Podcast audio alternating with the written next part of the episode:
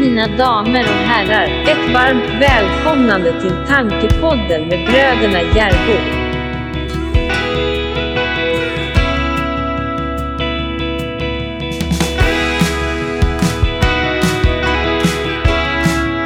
Välkomna till avsnitt 6 är det va? Har hösten kommit till Stockholm också eller? Nu är det höst och eh, jag gillar ju hösten. Den är vacker. Vad händer nere i Alingsås då? Ja, hösten har kommit hit med nu. Så att eh, det som händer är att då, då kommer Lights in Alingsås till Alingsås. Som är Mm. en ljusfestival som är återkommande. Mm. Och den får man ju gå en eller två gånger i alla fall. Den är ganska lång i år. Den är coronaanpassad så att eh, de har Mm. spritt ut det lite grann. Det är ljuskonstnärer och ljusingenjörer och allt möjligt från hela Sverige. Jag vet inte om det är till och med från världen som kommer och riggar upp saker i stan då som lyser fint på kvällarna. Mhm. Så det kommer det bli den här Mm. veckan. Och Mysigt. gå ut och titta på. Ja, jättemysigt. Sen ser jag varje fram emot, jag, jag är en av de som tycker att faktiskt att Halloween är en ganska mysig högtid, eller om man säger så. Alltså det är en av, jag är ju lite skeptisk till när man bara importerar saker från USA och sådär. Men Mm. just, just Halloween gillar jag för att jag, jag tycker om det här med lite skräck och läskigt och sådär va. Eh, Jag tycker det är ganska Mm, du mysigt. lyssnar på Creepypodden. Ja, jag lyssnar mycket på Creepypodden, det gör jag. Och jag, jag har alltid varit lite intresserad av det här med spöken och även varit inne på det här med liksom eh, ja, men lite det övernaturliga och så. Jag tycker att det är lite spännande. Jag tycker det finns en viss mysfaktor i det och eh, därför så gillar jag Halloween. Eh, jag ska åka till Kolmården med min dotter. De har gjort en här Halloween-grej där. Så det ska bli mysigt också, Mm. det ser jag fram emot. Så länge jag minns har ju du, vi pratade lite om det i förra avsnittet, eh, tyckt om att skrämma upp oss. Alltså dels syskonen och också framförallt kompisarna. Ja, För du var ju fyra år äldre. Så hitta på olika sätt och lekar att skrämma upp oss på. Ja. Med viss framgång, får man ju Ja. säga. Jag stängde in er i våran koja där. Du och dina kompisar. Eh, kolmörkt. Men Det var en sån här kattvind kallas det. En kattvind, ja just det. Mm. Där jag stängde in er. Eh, och vi hade såna här hemliga möten där inne. Mm. Och Det låter nästan lite okult. eh, vi hade lite ockulta möten. Det var inte på så organiserad nivå kan man väl säga. Det var mer på leknivå. Vi får Ja. förklara konceptet. Vi skulle ju vara människor som skulle infiltrera spökvärlden. Och då gick vi, då, hade vi, då hade vi, skulle vi klä ut oss till spöken. Ja. Och så stod det en dörrvakt där som skulle godkänna våran passage in i den här kattvinden. Just som morrade lite. Vi skulle gå in en och en då. Så luktade du lite på oss och liksom. Ja. Är ni verkligen spöken? Så ruskade du lite i Björn. Och han bara ja, ja, ja, jag är spöke. Ja. Och så gick vi in och satte oss. Och sen så, så började det. Ja, just det. Det, det finns en förrädare ibland oss. Och så skulle du gå, igenom en och en och peta på oss med ett litet plaströr som man drar elledningar i som du hade dratt på ditt finger och tejpat fast. Så petade du på oss med det röret. Ja, vi var helt vätskan. Och sen så det övernaturliga kommer jag ihåg. Du var ju fascinerad av det här med ehm, det okända länge. Och fick med mig. Jag var ju väldigt skeptisk. Ja, just Även om Jag hade en period också- när jag kollade på det okända på TV4 där, just det. Ja, Så fick du med mig till ett medium till slut för att jag sa så här till dig. Jag kan sätta tusen spänn Isak på att om vi, om vi bokar eh, jag, ska, jag, jag kan inte klanka ner på det här. Absolut inte. Nej. Det är mycket, det är troligt säkert att det, att det finns händer, händer grejer eh, här omkring i den här världen vi lever i. Jag har Du, inte, du sa så här, det, det, är mycket du inte, det är mycket man inte känner till. Så den förhållningssättet Ja. hade ju du. Ja, precis. Har. Så trodde jag, ja, ja precis. Eh, och jag, precis, jag är fortfarande jag är öppen för allt sånt med, som har med andlighet och andra dim- dimensioner att göra också. Men just det var jag väldigt skeptisk till då. Så då fick jag det och, och då gick vi till ett medium så sa jag jag vill att du bokar ett annat namn, ett annat nummer. Man ska inte kunna researcha någonting om oss. Just så det. går vi jag, bok, tillsammans. jag bokade i en annan mailadress. Eh, som jag bara Ja, kallar för precis. någonting. Inget telefonnummer, ingenting. För jag ville inte att mediet skulle veta någonting om oss innan vi kom dit. Ja, Och sen så när vi satt där i foajén, du och jag, vi gick ju dit tillsammans. Då, då viskade vi till varandra för att inte, vi var rädda att det skulle finnas någon kamera där inne som fångade upp någonting vi sa liksom. Så att, Det var jag som ville ha det helt vattentätt bara. Det ska inte Så att- finnas någonting om oss. Nej. Så ska vi gå in till en okänd människa. Så ska han, han eller hon då berätta någonting som vi ska känna. Om vi, om vi känner att de träffar en sträng där vi båda, för vi har några gemensamma grejer där vi känner att om de pratar om detta Om de säger detta liksom, då, då, då kommer vi fatta att det, det kan de inte känna till. Och vi var Eh, intresserade av att prat- prata om eh, pappa. Eh, Vi var väl intresserade av att få någon slags kontakt med pappa. Det var väl det vi hade i tanken. att Skulle pappa på något vis kunnat eh, tillkännage sig på något vis till oss? Det hade varit en häftig grej. Ja, var, eller någon annan som hade gått bort eller någonting, vad som helst. Liksom. Ja, Men det, det, så gick vi in och det blev ju... Eh, Ingenting. Helt, eh, annorlunda. Ingenting. Ingenting. Det var massa Ingenting. historier. Men ingenting som slog an någonting. Så att, eh, det var, det var liksom. Sen- slumpen hade varit slumpen hade varit mer träffsäkert än det vi fick där. Ja, så, så att eh, efter det så slutade du. in- Nej, du var inte så intresserad längre av Stor besvikelse alltså. Ja. Ja.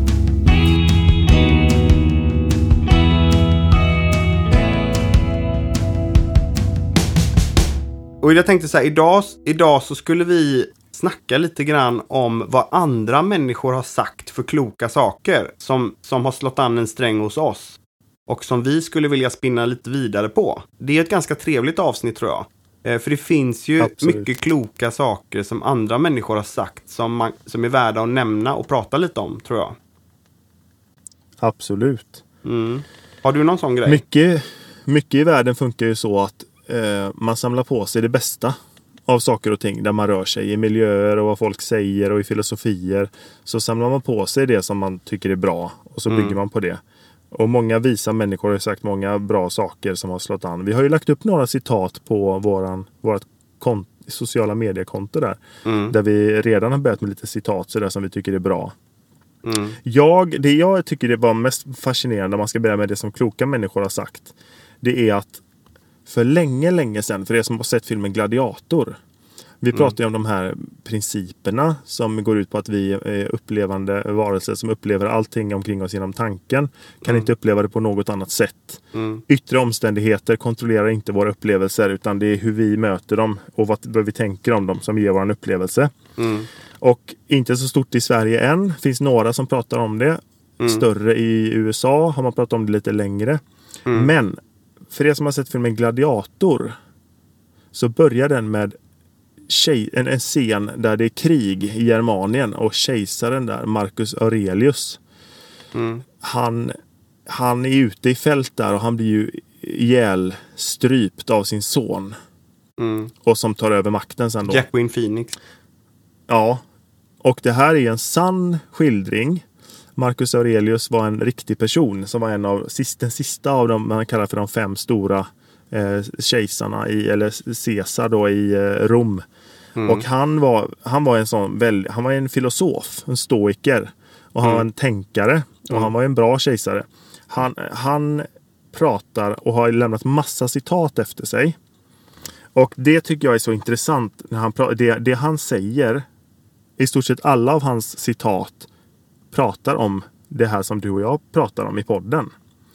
Han sa så här, och det här är alltså, ja vad är det, 100 efter Kristus kanske. Så det här är länge, länge sedan. Och han sa, The happiness of your life depends upon the quality of your thoughts. Och det är ju, jag skulle säga att det, det är en sån, ett sånt citat som i stort sett vi skulle kunna säga här, som går helt hand i hand med det som vi pratar om. Alltså hur vi upplever glädje och lycka i livet beror på kvaliteten på det vi har i huvudet. Mm. Inte alltså på omständigheterna omkring oss. Mm. Ehm, han säger If you are distressed by anything external. Om yttre omständigheter stressar oss eller gör oss oroliga. The pain is not due to the thing itself. Då är alltså inte den här smärtan vi upplever eller stressen eh, betingad av det som händer oss. But to your estimate of it. Mm. And this you have the power to revoke at any moment. Mm. Precis, den yttre omständigheten är inte det utan vad, hur vi ser på den, vad vi tänker om den. Och den kraften har vi att liksom, dra tillbaka eller förändra i bara en stund. Mm. I bara ett ögonblick. Mm. Det är en ganska vacker tanke. Ja, om man googlar honom så, så kommer det upp citat som man tänker att han körde det här med principerna. Han förstod av. ja. Han hade förstått Ja. hur det är på riktigt. Ja. Så det där, där börjar vi citatavsnittet med att redan eh, på Kristi tid, förmodligen innan det, alltså stora filosofer och tänkare har pratat mycket om det här med att det är inte yt de yttre omständigheterna omkring oss att disken är för stor eller att jag kommer för sent till jobbet eller att det börjar bli tunt på kontot. De omständigheterna har ingen kraft över lyckan och glädjen i vårt liv. Utan sättet vi ser på det och kvaliteten på vad vi har i huvudet omkring det.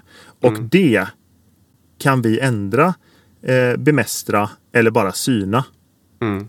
Och se att det här är surr nu. Det här är eh, regnmoln i mitt huvud. Eh, om en stund, om ett litet tag, när jag kommer tillbaka så är detta över. Så ser jag det från en helt ny vinkel. Och då är det ingenting som har förändrat sig i omständigheten. Det har bara förändrat sig i mig. Mm. Och ändå så ser det trevligare ut och upplevs trevligare. Lättare att lösa och så vidare och så vidare.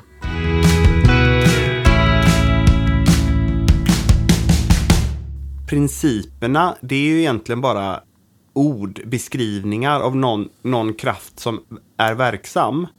Så att principerna, det är ju inte de som är sanna, utan de som är, det som är sant, det är ju den kraften som verkar. Ord i sig är ju inte sanna, så att det vi sitter och pratar om här, det är våra ord. Men bakom våra ord och så, eller bakom det som han den Aurelius pratar om, han pekar ju mot någonting som en kraft som finns och verkar. Och den kraften verkade ju innan vi kände till den. Eller oavsett om vi, om vi känner till den eller inte så är den ju verksam. Det är ju som gravitationen.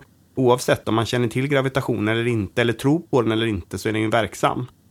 Och det är ju så, eh, innan vi började prata om principerna så fanns ju de. Till och med innan Sidney Banks började formulera principerna så fanns de. Till och med innan den här Marcus Aurelius kom på att det är faktiskt mitt tänkande som skapar min verklighet. Inte de yttre omständigheterna, utan det är mitt tänkande om de yttre omständigheterna som skapar min verklighet. Så har det ju varit alltid. Mm. Förståelsen kring det dock, att det är så det verkar och att det är så vi upplever det, hjälper ju oss enormt. Bara Mm. förståelsen av det. Mm, Eh, som du säger, vädret har ju alltid funnits. mm, Vädret har ju alltid skiftat och fungerat. Även innan vi förstod det. Även när vikingarna offrade jungfrur för att det skulle bli sol. Men när de förstod det så slutade de med det. mm, Och idag så har vi väderprognoser flera eh, veckor innan. Vi går upp och tittar hur ska vädret bli idag. Där står de och förklarar hur vädret ska bli. mm, Bara den förståelsen hjälper oss jättemycket. mm, Vad vi ska ta på oss och ska vi cykla eller ska vi ta bilen? Alltså vi kan, våran dag kan bli så mycket trevligare av att förstå det. Men det har inte hänt Det är ju- någonting med vädret, utan Nej, vädret nej. har alltid Nej. varit vädret. Men vår förståelse Absolut. för hur vädret fungerar, den har ju ökat. Ja, och den förståelsen hjälper oss. Ja.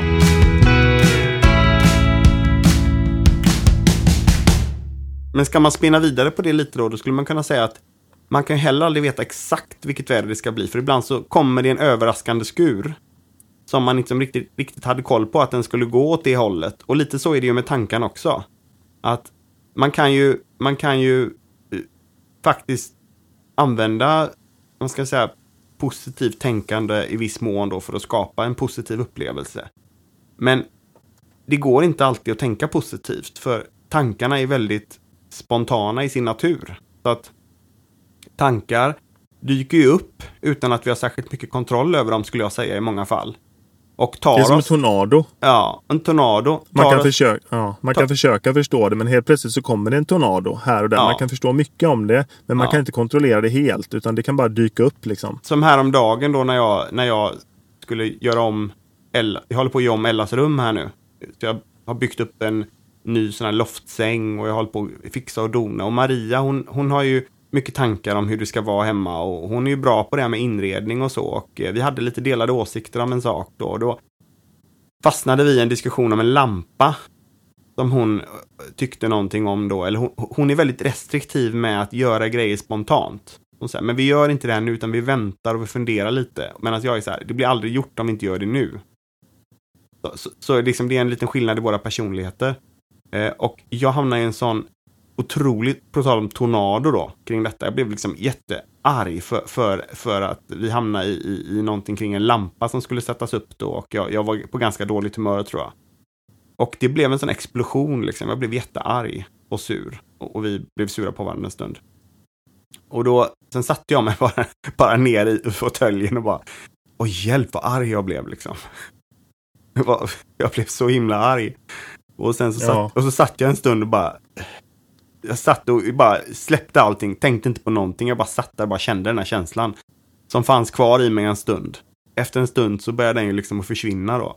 Eh, och, och så Ja. kände jag bara, men nu, nu har den gått över så. Så gick jag ner till Maria och sa så, nu, nu har den här tona, jag tror att nu har den här nattsvarta åskmolnet som jag hade i mig, nu har det gått över, så nu är jag redo att be om ursäkt för att jag blev så arg. Liksom. Eh, och då, och då, Ja. och då, ja, var ju ursäkten mot, gjorde du- mottagen direkt och eh, ganska snabbt så blev vi vänner igen.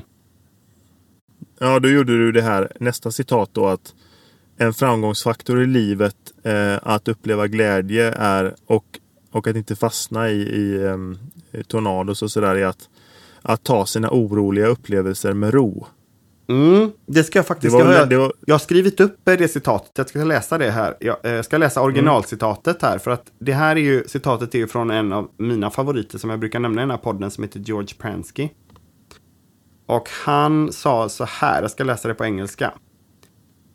Eh, the key to life is the ability to take your momentary experience in stride. Det är ju ett engelskt ord som kanske inte alla känner till. Men, men, men så som jag översatte det här citatet till svenska då. Det är att nyckeln till välmående är förmågan att kunna ta dina tillfälliga upplevelser med ro. Mm. Och, och så att han försöker peka på någonting, en nyckel till att man ska ha en bra, ett bra, en bra livsresa. Och då tänkte jag så här, vad är motsatsen till att ta sin upplevelse med ro? Det skulle jag säga, det är att ge sig hän. Mm. Att Jag ge sig hän till alla sina tankeupplevelser man har fullt ut. Då blir Mm. den här berg och dalbanan mycket mer bumpy, om man säger.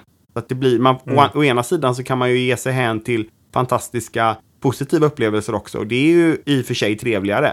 Även om på samma Mm. sätt som när vi, när vi har väldigt starka känslor åt det positiva hållet så är det lika sant som när vi har starka känslor åt det negativa hållet. Så att Mm. starka känslor är liksom en indikator på att nu, nu, nu är vi långt ifrån den här fabriksinställningen som vi har. Som är lugn, frid och harmoni. Välmående. Ett grundläge där vi liksom mår bra. Och Mm. om man då ger sig hän väldigt mycket till allt, allt man tänker och går in väldigt hårt i det och har väldigt mycket tänkande kring det och därmed då väldigt starka känslor kopplade till det tänkandet. Då får vi en väldigt bumpy eh, livsresa om man säger. Så att eh, han menar då på Just Pransky att, att en nyckel till det är att se att, att man, man behöver inte bli så skrämd eller så upprymd eller så gå så hårt in i allt man, eller tro så mycket på allt man tänker. Utan man kan ta sina tankar lite med en nypa salt.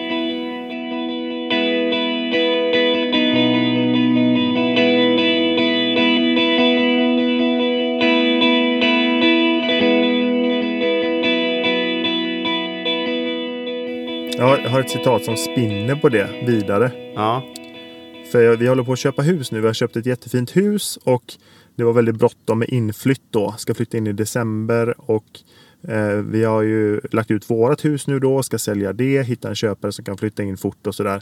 Mm. Eh, och det blir ju en tankeprovocerande process liksom. Hoppas det här löser sig och så vidare då. Mm. Och då ta det här med ro då som vi pratade om. Då, då finns det ett citat som går. Och det är ju också så att vad du än går igenom just nu har upplevts tidigare av människor som har det bra nu. mm, Så att, och så är det ju. Det finns ju, det är väldigt, jag har svårt att tänka någon upplevelse som är unik för någon som ingen annan människa någonstans någonsin har gått igenom någon gång, men som har det bra nu. Och det är lite det här efter regn Mm. kommer solsken. Efter Mm. regn kommer solsken, men, men om jag ger mig hän det när jag står på botten där nere mm, och liksom inte tar det med ro. Då, kan man, då, då blir det så mycket, som du säger, mer bumpy. Jag ser ju eh, Mm. Ace Ventura framför mig där när han kör genom djungeln där med sin jeep och liksom bara studsar fram, upp och ner, upp och ner och skriker. Och den, eh, den typen av åktur behöver man ju inte ha i livet. Mm. Och den kan, man, eh, den kan man koppla bort genom att ta den här dippen, kan vi väl kalla det, med lite ro och vila lugnt i att det här har andra människor också gått igenom som sitter och har det bra nu. Det betyder att jag varför ska jag göra en så stor grej av detta när jag vet att det här kommer gå över och det kommer bli bra? Även Mm. det kommer lösa sig. Mm. Vilken fantastisk film förresten, Ace Ventura. Det var länge sedan jag såg den. Ja, Den är, den är ju riktigt Ja. kult alltså. ja. Ja.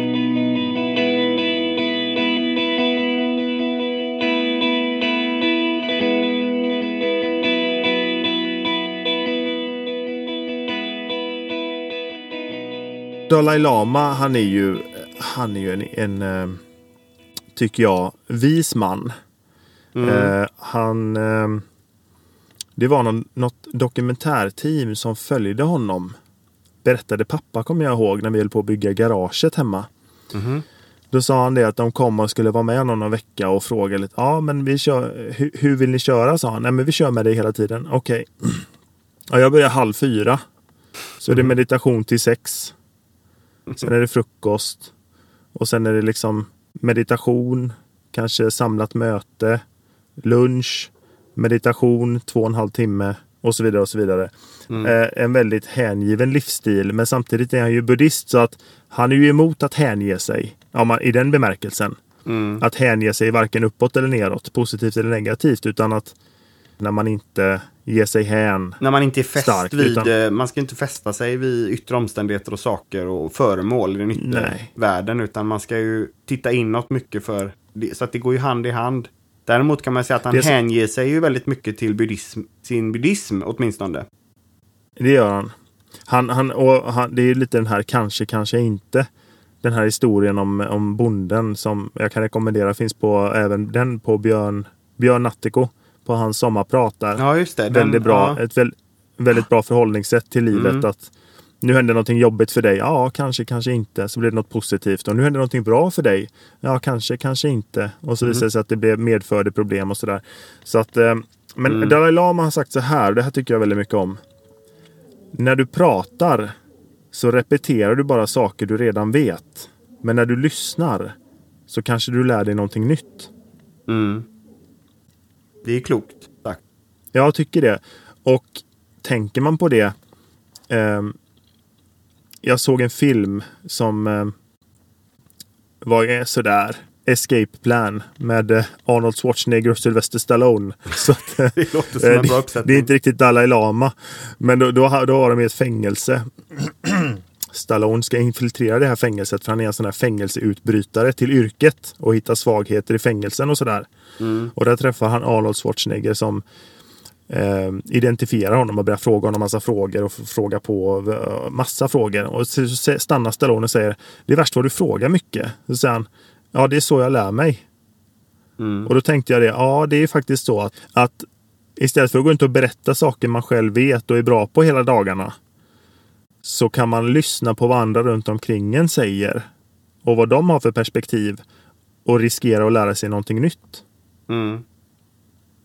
Och när jag tog med mig det förhållningssättet så märker jag det att det är verkligen så. Man lär sig mycket saker från andra människor om man, om man, är i rätt, eh, om man stämmer sig rätt. Eh, om man lyssnar för att lyssna. Inte bara lyssna för att komma vidare till nästa sak som jag ska säga.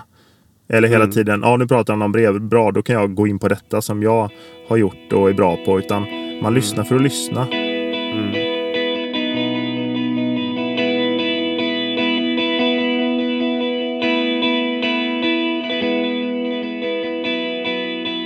Eh, Jag, jag lyssnade på, jag är med i vissa sådana här forum och så, då var det någon kille som skrev det här med liksom, eh, eh, så att han hade hittat det här med andning för honom. Att andning hjälper honom till psykisk hälsa och sådär va. Och då tyckte han att ja, då, är det ju, då är det ju faktiskt en yttre omständighet som gör att jag mår bättre och inte principerna då. Så att han debatterade detta i forumet. Principerna säger ju inte att inte vi har en fysisk kropp som, som känns på olika sätt eller att det finns kemiska obalanser i hjärnan eller att det finns då andning till exempel kan, kan hjälpa en att känna på ett visst sätt i kroppen. Det principerna säger egentligen det är ju bara att, att, eh, att du upplever allting via ditt tänkande. Du upplever den kemiska obalansen eller du upplever den ont i knät eller vad det än du upplever via en tanke och att den tam- tanken är subjektiv. Hela grejen handlar ju om att, att lugna ner sitt, sitt, sitt lilla sinne som jag kallar det för. Eh, det är det det handlar om för att när du är i ditt lilla sinne och tänker och och ju hårdare du är i det, eller ju mer det snurrar i det lilla sinnet, desto längre ifrån välmående kommer du. Egentligen det som Mm. principerna pratar om. Och när du på något vis kan slappna av och låta liksom livet bara eh, eh, eh, passera igenom dig.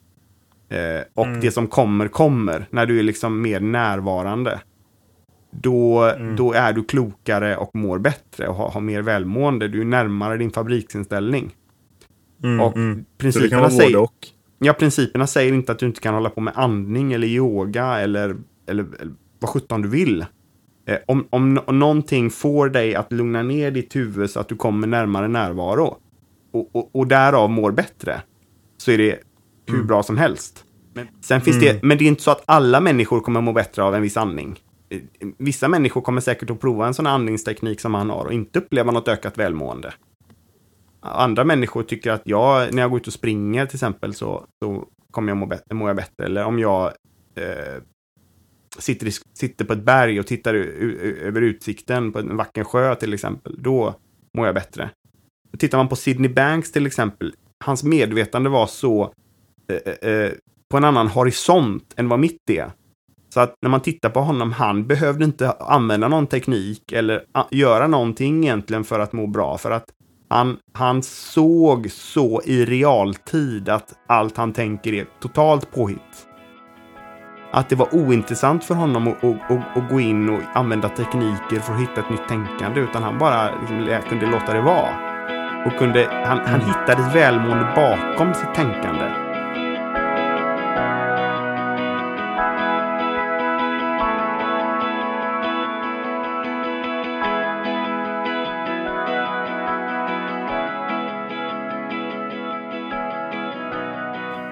Och det är det som är lite svårt. Det är det som är lite svårt när man fäster sig vid sanningsanspråk. Ja, Nu har jag hittat detta och det är så det är. Och, och tar man ett råd där du samlar ledare för tio olika religioner och sätter dem runt ett bord Mm, med målet att de ska få större förståelse för varandra. Mm. Så börjar den första religiösa ledaren att säga så här. Så här är det. mm, Detta är sanningen. mm, Då är på något sätt eh, klimatet och möjligheten för förståelse är liksom redan död. Mm. Utifrån det om, utgångsläget där. För vi, för vi har ju redan hört precis hur det är. Mm. Det är bara det att det är nio stycken andra där som sitter och tycker inte att det är så. mm, Man hänvisar ju till känslor och säger att Nej, men det, det är detta som jag säger nu. Det är sant därför att jag har känt det på ett sätt som jag inte kan förneka. Därför är det sant. mm, Medans då är man nog naiv om man tror att det sitter nio andra gubbar eller tanter där från andra religioner som, som inte har känt någonting i det som de företräder. mm, Högst troligen och förmodligen så har de känt samma sak. mm. Så någon muslim sitter runt bordet och säger Jag vet att det är så här därför jag har fått det tillkännagivet för mig. På ett sätt som ni kanske inte kan förstå. Så säger en jude Men vänta nu, det har jag fått. Fast om du har fått det om fel grej. Utan det ska vara det här. Och så säger en kristen eh, protestant Nej, det är jag som har rätt. Och en katolik säger det är jag som har rätt. Och så går det bara så. Eh, man, man repeterar det man redan vet utifrån en känsla man har fått. Eh, och i ett sånt klimat är det väldigt svårt att få en förståelse eller få insikter. Mm, Eh, så det här med hårda sanningsanspråk utifrån en känsla som man eh, kan tänka tillbaka på också under min tid i kyrkan då. Det kan bli problematiskt om man, man, om man inte har förmågan att förstå att det finns väldigt många andra människor på den här världen och det är väldigt märkligt om det bara är jag som har känt detta. Ja, så jag fightas aldrig med människor om dogmer längre. Jag, jag är helt ointresserad av att bråka med någon om några dogmer, utan vad jag är intresserad av det är att prata välmående. Det som måste till, som vi har pratat om i tidigare avsnitt, det är att när man har en kommunikation och man ska lära av varandra, då måste det finnas en god vilja där bakom. Så vi måste ha en god känsla när vi Mm. kommunicerar. Så att om jag sitter med en person framför mig, då måste, jag måste hitta en välvilja mot den personen. Om det ska kunna bli något, något bra av det. Och sen Mm. när jag har hittat en välvilja till den personen, då får jag, då har jag rätt att börja och, och kanske lyfta en tanke. Som kan landa hos den andra personen. I att, okej, min sambo är så dum eller hon gör det eller jag har det här problemet och så. Att kunna lyfta en tanke då att okej, okay, de här sakerna som du ser, eh, de, är, de är produkten av ditt tänkande. Mm. Det är produkter av ditt tänkande som du ser, inga absoluta problem som finns i liksom en absolut bemärkelse i, utan det är produkter av ditt tänkande och du måste se, och jag måste peka på att när, när du ser själv att det kommer från ditt tänkande så kommer du få ett annat förhållningssätt till det och då kommer världen att förändras Mm. för dig. Världen kommer att se annorlunda ut än vad den gör för dig just nu. När du börjar titta Mm. i den här riktningen.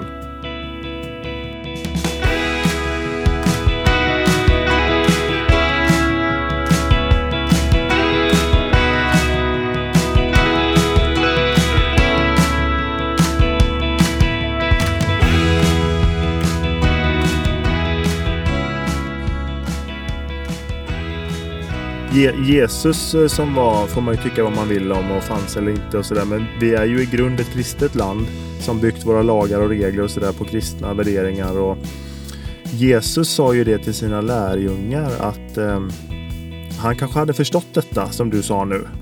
Och det var kanske därför han sa det att ni ska vara fridsstift, fridsstiftare. Mm, Och det är en väldigt stor skillnad på att gå runt och ha rätt hela tiden mm, och att vara en fridstiftare. absolut.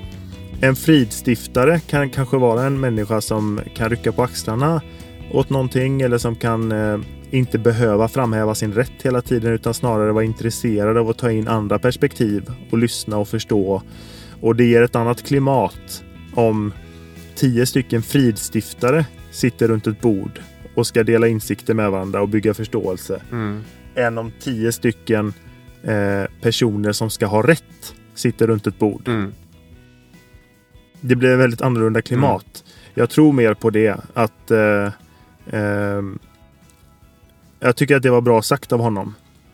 Jag tror att om alla skulle ha den inställningen att vara en fridstiftare på sitt jobb, på sin, eh, eh, i sin familj, vart man nu än... Eh, även jag som är polis, det kan, man ju, det kan ju vara till, upp till definition, men att gripa en brottsling, även om det kanske innefattar en visst mått av våld och sådär i längden är ju också att kanske vara en fridstiftare. Man, man underlättar för någon annan och så vidare.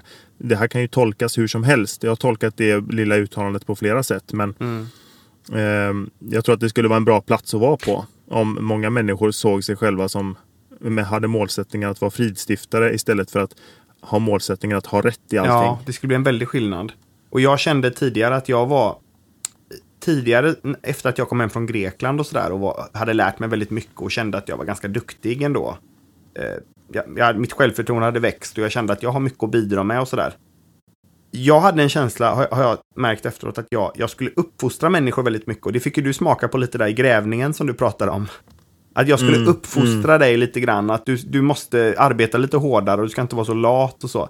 Jag hade liksom då, eh, jag, jag tog på mig rollen att uppfostra människor mycket.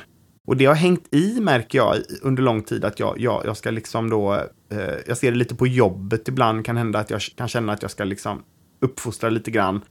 Eh, och det, en sak som principen har gjort med mig är att jag har tappat intresset för det väldigt mycket. Jag är inte så intresserad längre av att uppfostra någon utifrån liksom, mina värderingar eller så. Utan jag inser att alla människor gör så gott de kan givet det tänkande de har för stunden. Och man kan, människor Mm. kan göra saker som kan se lite knasiga ut för mig eller så, så. Men alla människor gör så gott de kan givet det tänkande de har. Och då blir det istället som att fokus för mig har blivit mer då att, att man är intresserad av vad människor tänker på. Hur de tänker, varför de tänker si och så. Och grotta i det istället, och, och, gör så att man blir mer nyfiken på andra människor än att känna att man ska uppfostra dem utifrån sina ideal. Så att jag Mm. ser ju att lika, likadant, på samma sätt som mitt tänkande är helt påhittat. Och jag har, jag har liksom lång väg kvar att gå innan jag ser livet på ett klart och tydligt sätt. Jag har börjat att titta i en riktning som har hjälpt mig jättemycket. Och jag önskar för andra människor att de ska kunna, om de vill, titta i den riktningen också. Men, men, eh, men eh, jag inser ju att, eh, att jag, jag förstår väldigt, väldigt lite av den verklighet vi lever i. Och, och Ba- Bara ett bråk om en lampa liksom. ja, du Helt ser. spontant. Precis. Kan ju dyka upp. En tornado kan slå En ner. tornado. Ja, men då ser man det. Då ser man i alla fall att det är en tornado. Ja. Och att man ska ta den med ro. Och det är hjälpsamt. Och det gör väldigt Det är mycket. jättehjälpsamt. Ja.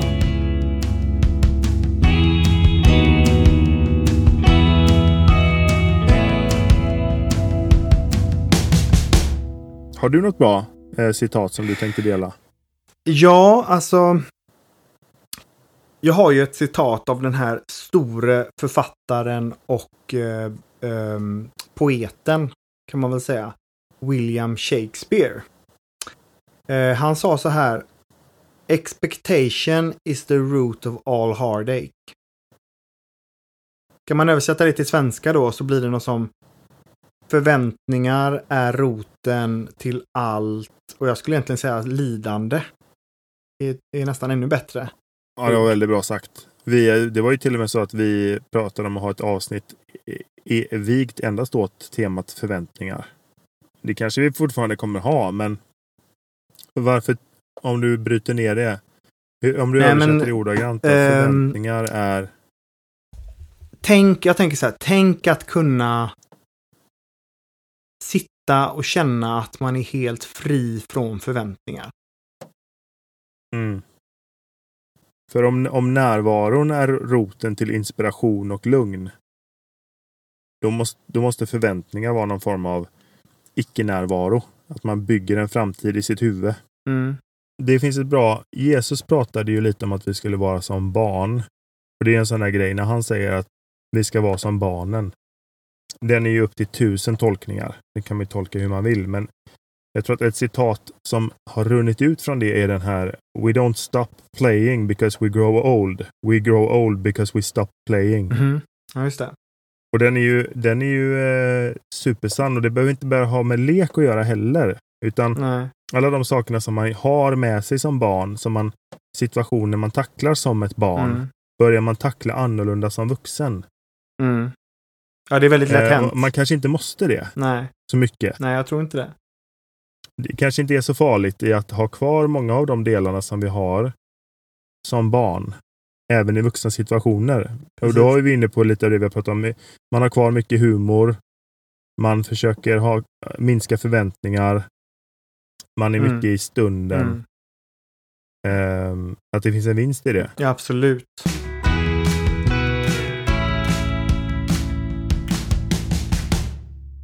Jag måste bara lyfta en sak då för att jag har ju faktiskt eh, skrivit ett citat själv nu. Så Mm. att jag undrar om det Intressant. inte är så. Ja, och då undrar jag om det inte är så att jag faktiskt kan ti- titulera mig citatmakare. Då har du även det på CVt sen. Citatmakare. Ja, precis. Så att jag tänkte att jag skulle läsa upp det här då och det är så här. Eh, bara släpp önskan om hur ditt liv skulle ha blivit. Vila istället i att det inte kan vara på något annat sätt än hur det är och lev ditt liv ifrån den känslan. Och då kan man egentligen, Mm, det har ju med förväntningar att göra. det har jättemycket med förväntningar att göra. Så att jag ville, jag ville koppla liksom ihop det med det vi pratade om tidigare. Och jag tror att det är så att väldigt många människor lever sitt liv på det sättet att man går runt och spenderar väldigt mycket tid och funderar på vad man skulle vilja att ens liv skulle ha blivit eller vad man önskar Mm. att, att ens liv ska bli. Och man lever väldigt mycket i dem, speciellt i den här tiden av sociala medier då när man ser hur till synes lyckliga alla andra Mm, människor är absolut. runt omkring en. Eh, Så att vi lever liksom i det här att vi hela tiden ska utveckla någonting eller uppnå någonting för att vi ska nå vårt mål och så, för att vi ska känna glädje, för att vi ska liksom eh, känna frid och harmoni. Och då missar vi hela poängen. Därför att det kommer inte därifrån välmående. Kommer inte från att vi uppnår det där målet och så. Men det här tangerar ju lite, eh, då får du förklara skillnad på, på förväntning och målsättning. För vi har ju ändå mål i våra liv som vi sätter upp för oss själva, som vi strävar mot. Jag har gått från att vara väldigt målfokuserad till att bli i stort sett ganska ointresserad av, av mål. När man inser att jag är helt perfekt precis som jag är. Och jag behöver inte utveckla någonting egentligen. För att, för att um, vara okej okay, eller för att hitta välmående, för att må bra, utan det, det, är min fabriksinställning. Så att jag måste Mm, aktivt absolut. göra någonting för att ta mig bort från den. Och det är ju någonstans för att vi letar ju efter välmående. Vi letar efter eh, någonting som ska fylla oss eller någonting som ska ge oss det vi vill ha. Och vi vet inte om att det redan finns där. Det är ju nästan, det är det som är lite ironiskt. Att det vi letar efter allihopa på den här, på den här jordklot, det finns redan där. Mm. Så att den frasen som jag egentligen vill att lyssnarna ska ta med sig från det här, det är just det att, att eh, då återstår egentligen bara att leva era liv. Tänk att få känna den känslan. Jag behöver inte ansvara för någonting annat än att bara vara närvarande i mitt liv. Där livet tar mig. Dit livet tar mig. Jag kan aldrig veta vart livet ska ta mig någonstans. Nej. Och det är ju inte fel att ha mål. Jag säger inte att man kan absolut ha mål. Om målen kommer ifrån en känsla av att jag är nyfiken, jag, jag vill någonting, jag tycker det är spännande, jag tycker det är roligt att uppnå någonting. Så, så, så, som jag till exempel då när jag har börjat podda här nu om de här tre principerna. Jag gör det för att jag tycker att det är spännande och roligt. Jag har ingen aning om vart det här kommer leda någonstans, den här podden. Eh, Det är jättespännande att ha den utgångsläget. Att det måste inte vara så att det här ska, måste bli en stor podd för att jag ska liksom vara nöjd med Mm, mig själv eller absolut. så. Det, det, det är helt okej hur det än blir. Eh, Jag gör det från en nyfiken plats. Att jag, jag, jag känner att jag har hittat någonting här som är väldigt viktigt för mig och som jag tror att många människor skulle må bra av att höra och förstå. Eh, Och då berättar jag om detta på det här Mm. sättet. Och sen vart det ska ta vägen och vad det ska bli av det, det vet jag inte riktigt. Nej. Det behöver jag inte veta heller. Utan ehm, livet får ta mig dit livet vill. Och ofta så, så blir det bra. Hittills i mitt liv har det blivit så i alla fall. Mitt liv har tagit en massa vändningar som jag inte hade en aning om att det skulle ta sig. Det har ju blivit bra ändå. Och det kommer bli bra. Och, och, och, och den dagen när jag ligger på min dödsbädd, det kan vara imorgon och det kan vara om 30 år. Eh, eller ännu längre förhoppningsvis. Så vill jag kunna titta tillbaka på mitt liv och känna att jag levde mitt liv och var närvarande i det som var. Var närvarande i era relationer. Njut av dem. Njut av resan. Och ha inte så mycket tänkande om vart den resan är på väg någonstans. Det kommer ni aldrig kunna kontrollera utan livet tar er dit livet vill. Och ni ska bara njuta av resan så länge den varar.